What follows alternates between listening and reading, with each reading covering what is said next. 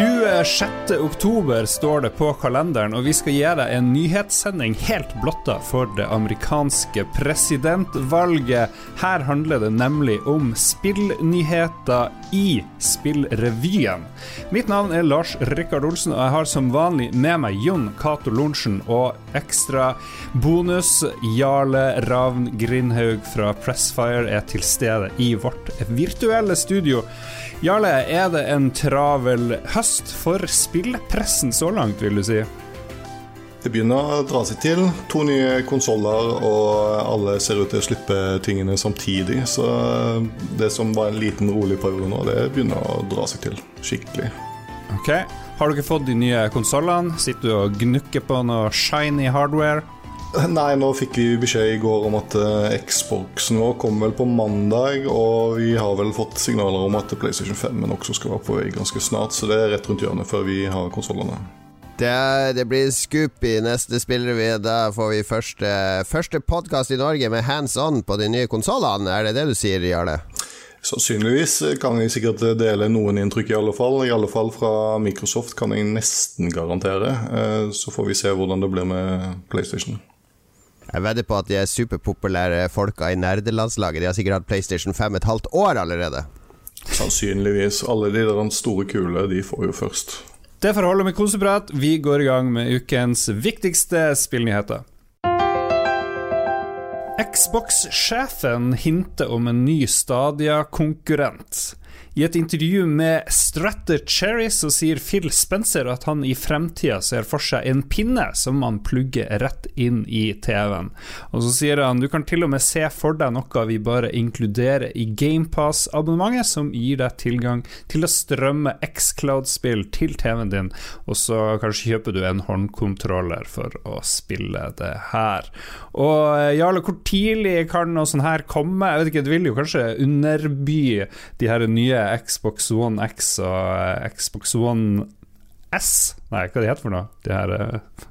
Xbox Series X, ja. Eh, X og S. Vil, her, vil, ikke det her være å, å skyte seg sjøl i kneet med tanke på at de gir ut nye konsoller?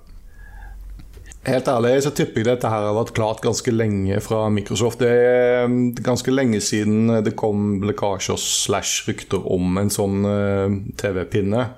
Eh, men eh, den har jo ikke blitt annonsert, og det tipper jeg bare handler om at Microsoft er livredd for å eh, som du sier da, underby seg selv på markedet, og at de er redd for at de skal ha en samme reaksjon som kom under Xbox One-annonseringen. At eh, å nei, men de går ikke for ekte gaming, liksom, og alt dette her. Så det handler bare om timing for dem. Eh, når de er rett, klar med dette abonnementet sitt, strømabonnementet, og kjører det ut i full skala, jeg den kommer lynkjapt. Og dette her er jo ikke en dings som er utrolig kompleks å lage. Det, har, det finnes en utallige sånne TV-pinner eh, på markedet, og den skal sannsynligvis ha en ganske enkel eh, funksjon.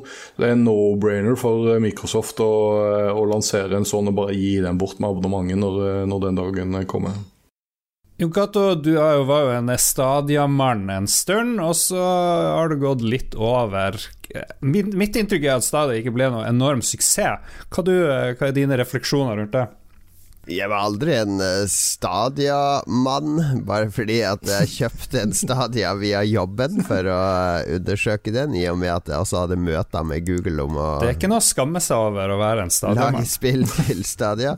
Eh, nei, det var det fungerte helt greit. Så det, det, var ikke noe galt i å spille på Stadia, men tilbudet var for dårlig. Altså spillutvalget eller forretningsmodellen var altfor dårlig. Jeg kunne ikke spille spillet allerede eide på PC.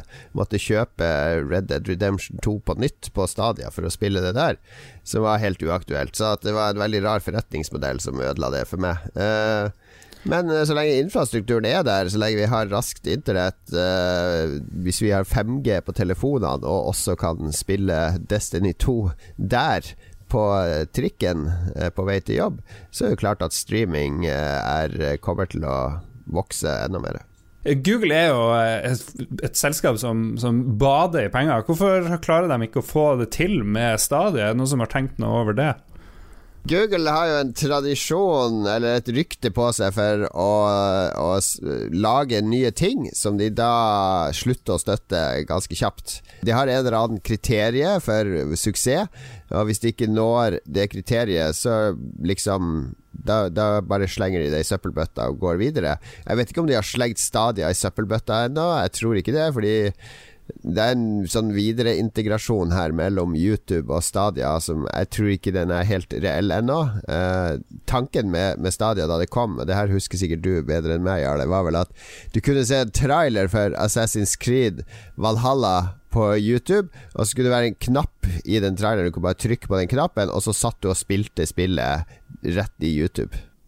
Ja, de har flere sånne funksjoner de har snakket om som er på en måte en synergi med andre eh, Google-produkter. Denne funksjonen som Sony nylig viste frem i sitt uh, brukergrensesnitt, med at du liksom kan få opp denne videoen av kompisen din som spiller et annet spill på en annen PlayStation et annet sted, den er også en sånn funksjon som de snakker om. Den kommer jo nå før på PlayStation 5, men den gjør på Stadia. Så Jeg tror nok de har en litt lengre horisont på det, men de må nok tilbake til tegn tegnebrett og gjøre noe med, med spesielt forretningsmodellen sin. Dette her, den er, som vi har snakka om kanskje før òg, at det, Stadia hadde jo vært en helt OK løsning for å spille spill om det bare var et uh, slags Netflix-abonnement og det var 200 spill der, liksom. Da, det, det, trengte ikke vært de nyeste spillene engang. Det kunne godt vært eh, litt uh, ett år gamle spill og sånn. Hvis det var billig nok, så hadde det vært helt kult abonnement. Men det er jo ikke det. Det er et svindyrt abonnement som er en deal-breaker for veldig, veldig mange. Det er et svindyrt abonnement der du i tillegg skal kjøpe spill. Riktig.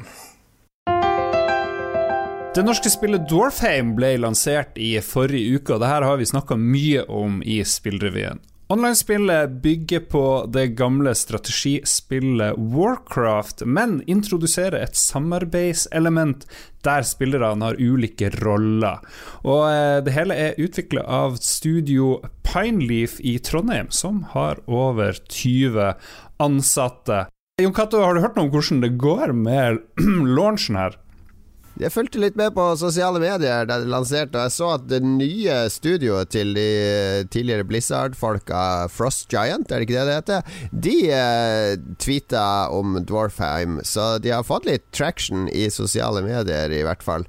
Ja. Um, ellers så Jeg har ikke snakka med noen i Pineleaf etter det ble lansert. Jeg ser på Steam så var det på topp en periode. Det er jo ofte nye Oi. spill, og så langt har det kommet inn 59 user reviews, eh, mm. som er en indikasjon på at det har solgt noe, men det er ikke hvis vi skal sammenligne med andre norske spill som har kommet i høst, så er det jo Fishing in, Bar, eh, Fishing in North Atlantic som definitivt ser ut til å ha solgt mest, hvis vi skal bruke det som kvalitetsmåler. Eh, ja, jeg hørte bare så vidt fra Linn Søvik, som vi har snakka en del med om spillet, at det gikk bra, launchen. Så langt, sa hun da jeg snakka med henne her samme dag som spillet kom ut, så vi får krysse fingrene for det.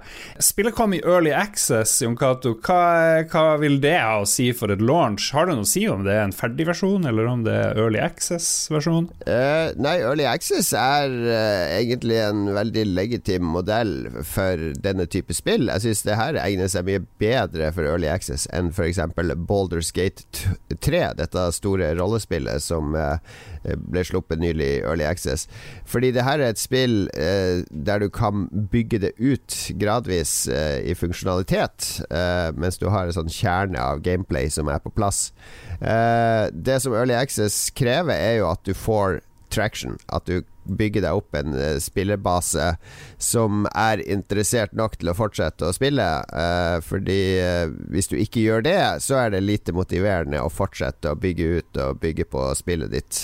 du vil jo selvfølgelig tiltrekke deg nye spillere underveis, men det er en bra modell for denne type spill. Ja. Jeg så at det var noen store streamere, som i hvert fall en fransk fyr som har et stort publikum, som drev og eh, delte sine erfaringer med spillet.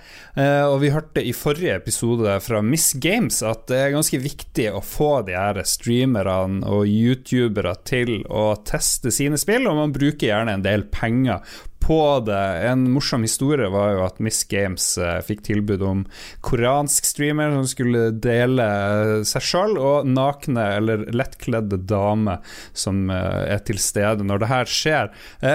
I din tid i, i spillbransjen, hvor, hvor, mye jobber man under release med å betale eller overtale sånne streamere, og hvor viktig er det? Hvor, hvor, mye jobber man med lettkledde damer, trodde jeg du skulle spørre. ja, det tar vi i en uh, annen podkast. Um, ja, vi var egentlig ganske heldige i, uh, i Krillbite, fordi uh, Among the Sleep Det kom på en periode der streamere ikke så sin egen verdi, på en måte. Eller det var streaming og YouTube var ikke en, en storindustri sånn som det er nå. Så folk spilte stort sett det de hadde lyst til å spille, eller det Sera seere tipsa de om. Så folk som PewDiePie og mange andre spilte jo eh, Among the Sleep da det var nytt, eller før det var ferdig. Uh, uten at vi liksom trengte å overtale på noen måte. Og så, etter Among the Sleep kom, og når det kom til konsoll, og når vi lagde Enhanced Edition um, så gjorde jeg egentlig ganske lite, fordi youtubere og store streamere spilte det av seg sjøl. Uh, eh, ofte var det motsatt, at plutselig så ser vi en liten sånn spike i salget. Da snakker vi liten. Det er ikke snakk om tusenvis av spill som plutselig blir solgt fordi en streamer har spilt det, men kanskje en 20-30% økning i salget. Og så tenker jeg hm, det var rart, hva skyldes det? Og så finner jeg ut at nå har FGTV, som er en gigasvær kanal. Eh, en pappa og en sønn har spilt spillet på YouTube og har syv millioner views på to døgn. Hmm. Så det var helt motsatt. Vi trengte ikke å gjøre noe fordi spillet hadde et navn. For Mosaikk sin del så hadde vi jo uh, uh, uh, Raw Fury som publisher. Det var de som jobba mot streamere og sånn. men jeg vil også si at for et spill som Dwarfheim og Barents Sea eller North Atlantic eller jeg, Beklager at jeg sier fiskespillet til Gøran. Så er det kjempeviktig å bli sett av streamere og, og youtubere. Det er veldig salgsfremmende. Men for et narrativt spill som Mosaikk eller Among the Sleep, så er det ikke Det fører ikke til salg. Fordi det blir som å se en film, på en måte. Du går ikke og kjøper filmen etter du har sett den på Netflix. Mm. Jarle, jeg så det var en uh, liten uh, nyhet her uh, i uka som gikk, om at streamere burde betale spillutviklere for å få lov til å streame spillet, fordi det er en slags verdi som ikke de De får noe igjen for, eller nok igjen for, virker det som. Noen som husker navnet på denne fyren her? Hvor det var han jobba i Ja, eh, Han jobber i Google Stadia, han eh, som sa det. Eh, og det er jo litt eh, Det ble jo en litt morsom greie, fordi det ble jo furore på Twitter når han kom med den. Og så kom jo da Google uh, YouTube og sa nei, vi er ikke helt enige, for de får jo masse innhold av disse streamerne. Men denne debatten har pågått ganske lenge. da, At uh, hvis noen uh, bruker spillet i streaming-sammenheng, så skal de betale en slags sånn uh, tono-avgift for å liksom bruke spillet. må nok en litt større, må nok løfte blikket litt og zoome litt ut for om denne debatten skal bli noe fruktbar på lang sikt. fordi hvis, hvis, en stor streamer eh, spiller spillet ditt, så det er jo blitt ganske vanlig å betale streamere for å spille, som Jon Cato fortalte om. Eh, fordi det er jo reklame. Så hvis de spiller det uten at de har betalt, så er det jo basically gratis reklame. Eh, så vidt spillet eh, kler formatet, da. Hvis det er narrativ som Jon Cato sier, så er det kanskje ikke salgsfremmende. Så, men da må man begynne å diskutere der, da. Så det er jo en kompleks diskusjon. Men jeg ser aldri for meg at noen kommer til å komme frem med noe eh, system hvor dette er gjeldende. Jeg, jeg er veldig Jeg syns også det er komplisert, men jeg er veldig for at Altså, hvis du ser på andre typer underholdningsmedia, det er ingen som får lov å streame hvilke filmer de vil, eller streame den musikken de vil, eller du kan ikke kjøpe den nyeste boka til Jo Nesbø og lese den opp på YouTube. Uh, så at det er kun spill der det er sånn frislipp på at uh, du kan kjøpe et spill, og så kan du lage innhold for mange millioner mennesker og tjene masse penger på det. Uh, uten å betale et rødt øre til de som har laga spillet. Så jeg syns det er en ubalanse her et eller annet sted. Uh, greit at det er reklame og alt mulig sånn, men uh, det, det, er en ubalanse her et eller annet sted. Og så er jeg samtidig redd for at det skal komme inn disse store selskapene og legge en masse sånne corporate restriksjoner på det, for jeg liker også den kulturen som blir skapt i disse miljøene. Denne kulturen mellom spill spilleren som utøver foran et publikum. Eh, jeg syns det er en viktig del av spillkulturen. Så jeg, jeg syns det er komplisert. Jeg er litt delt her. Ja, det, det er en komplisert greie, men Nintendo prøvde jo dette for noen år siden. Hvor de krevde en avgift av de som streama eh, Nintendo-spill på YouTube. Den er avlivd, den satsingen til Nintendo, eh, fordi det eh, lot seg bare ikke løse. Så det, det må iallfall eh, noen større regler for. Og det er jo liksom det er jo hvordan skal du løse hele e-sportbransjen f.eks. hvis de skal betale avgift for å streame? Du tar livet av ganske mye samtidig da, hvis du pålegger folk å betale for det, men jeg ser jo poenget til Jon Gato, selvfølgelig. Statsminister Erna Solberg har prøvd å selge inn det norske e-sportlaget Omaken til den offisielle koreanske League of Legends-ligaen LCK. Det kommer frem i et brev fra statsministeren som Pressfire har fått tilgang til. Medlemskap i ligaen koster visstnok over 100 millioner kroner. Omaken drives av Joakim Haraldsen, bedre kjent som Noobwork, og ble starta i mars 2020. Det er etter at Haraldsens forrige e-sportselskap N47 gikk konkurs på starten av året. Jon Cato, hvem er Joakim Haraldsen? Eh, han er en norsk uh, YouTuber. Uh, han var en av de første norske youtuberne som ble skikkelig stor. han, han den offisielle historien hans er vel at han hadde en sånn ryggskade da han var tenåring, så han ble sitt, liggende mye inne og spille, og så starta han en YouTube-kanal. og ble kjempepopulær nesten over natta. Masse fans. Jeg har uh, hatt ham på scenen flere ganger uh, på Spillekspo når jeg, had, når jeg har vært konferansier der. Ok eh, Jarle, er det vanlig at statsledere interesserer seg slash selger inn e-sportlag? Har du vært borti det før?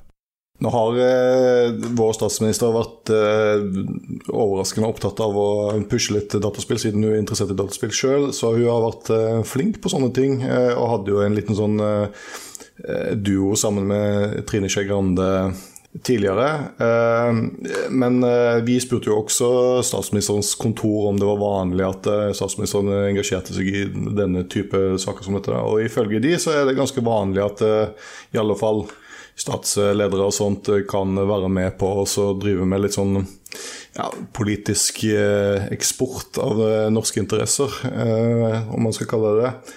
Så det var visst ikke så uvanlig, da. Eh, det er jo litt andre ting som gjør denne saken her litt spesiell. For folk som ikke kjenner e-sport så godt, så det virker jo nesten som statsministeren har sendt brev til Champions League om at Rosenborg skal få være med å spille, eller hvordan fungerer det her, Jarle? Ja, på en måte så gjør det det, men det er enda mer obskurt. da, fordi Det som gjør denne, akkurat denne ligaen her spesielt, som er nyoppstarta, er at den er sånn franchising-system som er litt du ser i Overwatch også, men også inspirert av amerikansk baseball f.eks. Hvor man kjøper seg inn i, i, i, ligaen. Så man må ha ganske mye penger for å komme seg inn, da, og gjerne ha en allianse da, med en gigantisk sponsor, typisk Coca-Cola eller Kellogg's eller noen sånne kjempegiganter. Så det er ikke sånn at du kan du kan ikke begynne på grasrota, så bygger deg opp og så kommer deg til liksom, denne ligaen. Du kjøper deg rett og slett inn, eh, sammen med søknadsprosess, da, selvfølgelig. Hvis vi holder litt fast med det med sponsor, hvilke norske storselskap er naturlige sponsorer av norske e-sportlag? Skal, skal, vi forvente at Equinor, Rema 1000 jeg vet ikke, noe sånt? Er det dem som skal sponse norske e-sportlag i fremtida, Jarle? Det, det, er jo flere store som har vært inne. Nå var jo I det, den satsingen som eh, Newwork holdt på med før, så var jo Tine involvert og trakk seg ut. Eh, og de gikk konkurs. Så da har liksom, det er ganske, ganske, mange store som har vært og snust litt på. Telia, Telia Ligaen, eh, Telenor og DNB har vel det laget Nordavind, som er et av de bedre e-sportlagene i Norge. Helt riktig. Ja Jeg gleder meg til at DNB driver og pusher med Twitch-streams og sånne ting. Det syns jeg de skal gjøre mer av. 100 millioner dollar for å være med i en liga, det høres ut som ingen i Norge egentlig realistisk skal Nei, nå. det er 100 millioner kroner, en liten korreksjon der, men uh... Ja, sorry. Ja. ja. Er, det noen, er det realistisk at Norge noen gang i det hele tatt kan være i nærheten av å kunne være med på noe sånt? Jeg tenker jo at Det må begynne med at man har et lag som kan hevde seg. da, og Det er jo det som gjør denne saken her litt spesielt. Eh, Omaken har jo ikke et League of Legends-lag engang. Så det er jo bare rart at de egentlig har søkt seg eh, inn, og i alle fall eh, da temmelig lite sannsynlig at du kan gå i et møte med en sponsor og få de pengene i utgangspunktet, når du ikke har egentlig profilene til å spille der engang. Hvorfor er det så sinnssykt dyrt, det her?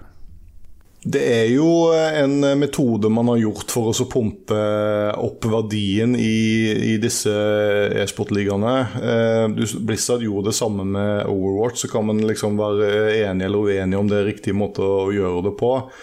Det, jo, eh, det ble jo et slags spleiselag for å danne et grunnlag for masse blest og premier og alt mulig greier inn i det laget. da, eh, Så kan alle trekke inn sponsorer og tjene penger i andre enden, selge merch og Det er jo en økonomi inni her, et slags økosystem som skal liksom fungere. Ubisoft kunngjorde nylig at alle kommende spill fra selskapet vil ha funksjon Ubisoft Connect, en tjeneste som gjør at lagringa og progresjon skal være tilgjengelig via skyen uansett hvilken plattform du spiller på. Dermed kan du spille Assassin's Creed Valhalla på tvers av PC, PlayStation og Xbox så mye du vil, så fremt du kjøper spillet på alle plattformene. Før så var det et helsikes liv å skulle tillate folk å spille på tvers av plattformer og få tilgang til sine saves. Eh, ser vi noe forandring her, Jon Cato? Hvorfor tillater de det, kanskje i litt større grad nå? Det er litt interessant, uh, fordi spesielt Sony har vært veldig restriktive på å tillate noe som helst sånn der uh, crossplay av uh, Altså spille med andre spillere på sin plattform. når jeg har snakka med Sony, så har det liksom vært sånn Det er mulig, men Eh, altså, det er noe de helst ikke vil tillate. Og Da må du ha litt muskler i ryggen, sånn som Activision, med Warzone f.eks., for, eksempel, for å få lov til det. Men at de tillater at du skal liksom ja, til, Jeg vet ikke om de tillater det, egentlig, for det her krever helt sikkert at du må logge inn på din Ubisoft Connect-konto i spillet. Du vet kanskje mer om det, du Jarle? Ja, det er vel en funksjon de bare har lagt inn i spillet sitt, som du sier. Litt sånn som før, at du logger inn med Uplay i, spillene for å få en del eh, sånne eh, koblinger. Så det er nok bare en videreføring av det. Jeg eh, tipper kanskje de må høre med Sony og Microsoft og sånn om det er greit, men men ja, det, det er et lag oppå, så de lagrer jo bare spillet to steder, egentlig. Hos, uh, hos Sony og Microsoft og på PC, eh, samtidig som de lagrer sin egen uh, sky. Ja, Hvor ofte driver du og spiller samme spill på flere plattformer? Det, det, er sjelden, men er det fordi at det er, jeg ikke gidder å starte på ny, eller er det fordi at Altså, det kan godt hende at når mulighetene åpner seg, at det blir litt lettere. Jeg tenker jo, det er jo ikke, kanskje, Jeg gidder jo ikke å kjøpe, som Jon Cato påpekte, spillet på fire plattformer eller whatever. Men, eh, men, det hadde jo vært fint hvis jeg reiser hjem i jula nå og broren min har eh, spillet på en eller annen plattform, så kan jeg bare logge inn og så kan jeg fortsette der jeg var. liksom. Det hadde jo vært fint, sånn så slipper jeg dra med meg en konsoll. Um, så jo, når muligheten åpner seg, så kan det godt hende at det, det også blir noe man bruker litt mer òg. I hver episode så ser vi på de mest spennende spillutgivelsene som kommer i uka vi nå har begynt på. Ja da, du. Egentlig så skulle eh, World of Warcraft komme denne uka, Jon Cato. Det gjør det ikke, fant vi nettopp ut etter å ha prata en del om det. Men det kommer heldigvis andre spill. Det gjør det. Perfekt tima til uh, valget i USA, så slipper jo uh, Ubisoft Watchdogs Legion. Uh, ikke at det er noe connection her i det hele tatt, for spillet er overhodet ikke politisk, ifølge Ubisoft, som aldri lager politiske spill. Til tross for at spillet handler om å starte en revolusjon i London og forkaste den korrupte regjeringa. Etter brexit. Post brexit, ja. Men det er ikke politisk.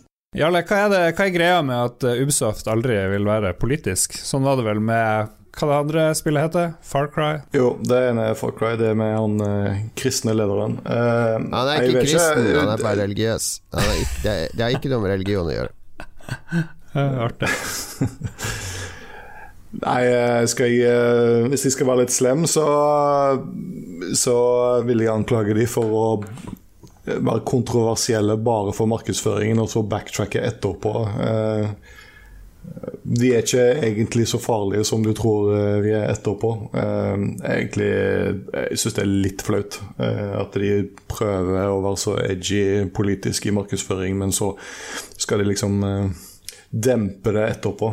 Jeg vet, jeg tror bare det er det. Jeg tror kun det handler om å lage en edge for markedsføring, og så egentlig ikke har noe, eh, har noe på hjertet politisk, egentlig. Kommer det flere spill eh, vi bør tenke på, Jokato? Til uh, en uh, relaunch, kan vi vel si. Uh, Pikmin 3, Nintendo sitt sjarmerende eh, sanntidsstrategispill. Ja. Eh, kommer ut til eh, Switch i en ny eh, og forbedra utgave. Det kom vel opprinnelig på VU, som eh, ikke så mange spilte der. Nei, du er jo ikke bare en stadionmann, du er jo en Pikmin-mann òg, sånn som jeg har skjønt det. Eh, det er, en, eh, det er en helt strålende spillserie som jeg har spilt helt siden de første kom på eh, GameCube. De fleste kjenner kanskje spillserien via Smash Bros, der kaptein Olimar er en figur. Men det, det er liksom Nintendo beviser hvordan du kan lage et realtime strategy-spill på konsoll. For det er helt perfekt kontroll på det spillet, og man kontrollerer en hær med 100 små blomsterfigurer som man kan sende ut og kommandere. All right. Det får holde for denne uka. Hvis du er i tvil om hva som var de viktigste tingene som har skjedd ute i verden, i spillindustrien og spillverden, så vet du det nå uten tvil. Og hvis du skulle ha enda større behov for nyheter, så går du til pressfire.no.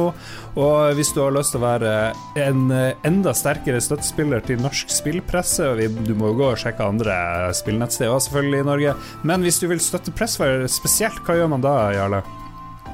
Da leser man nyheter på Presser, men vi har også en, en eh, løsning for Patrion. Og vi blir veldig glad for folk som støtter oss på Patrion.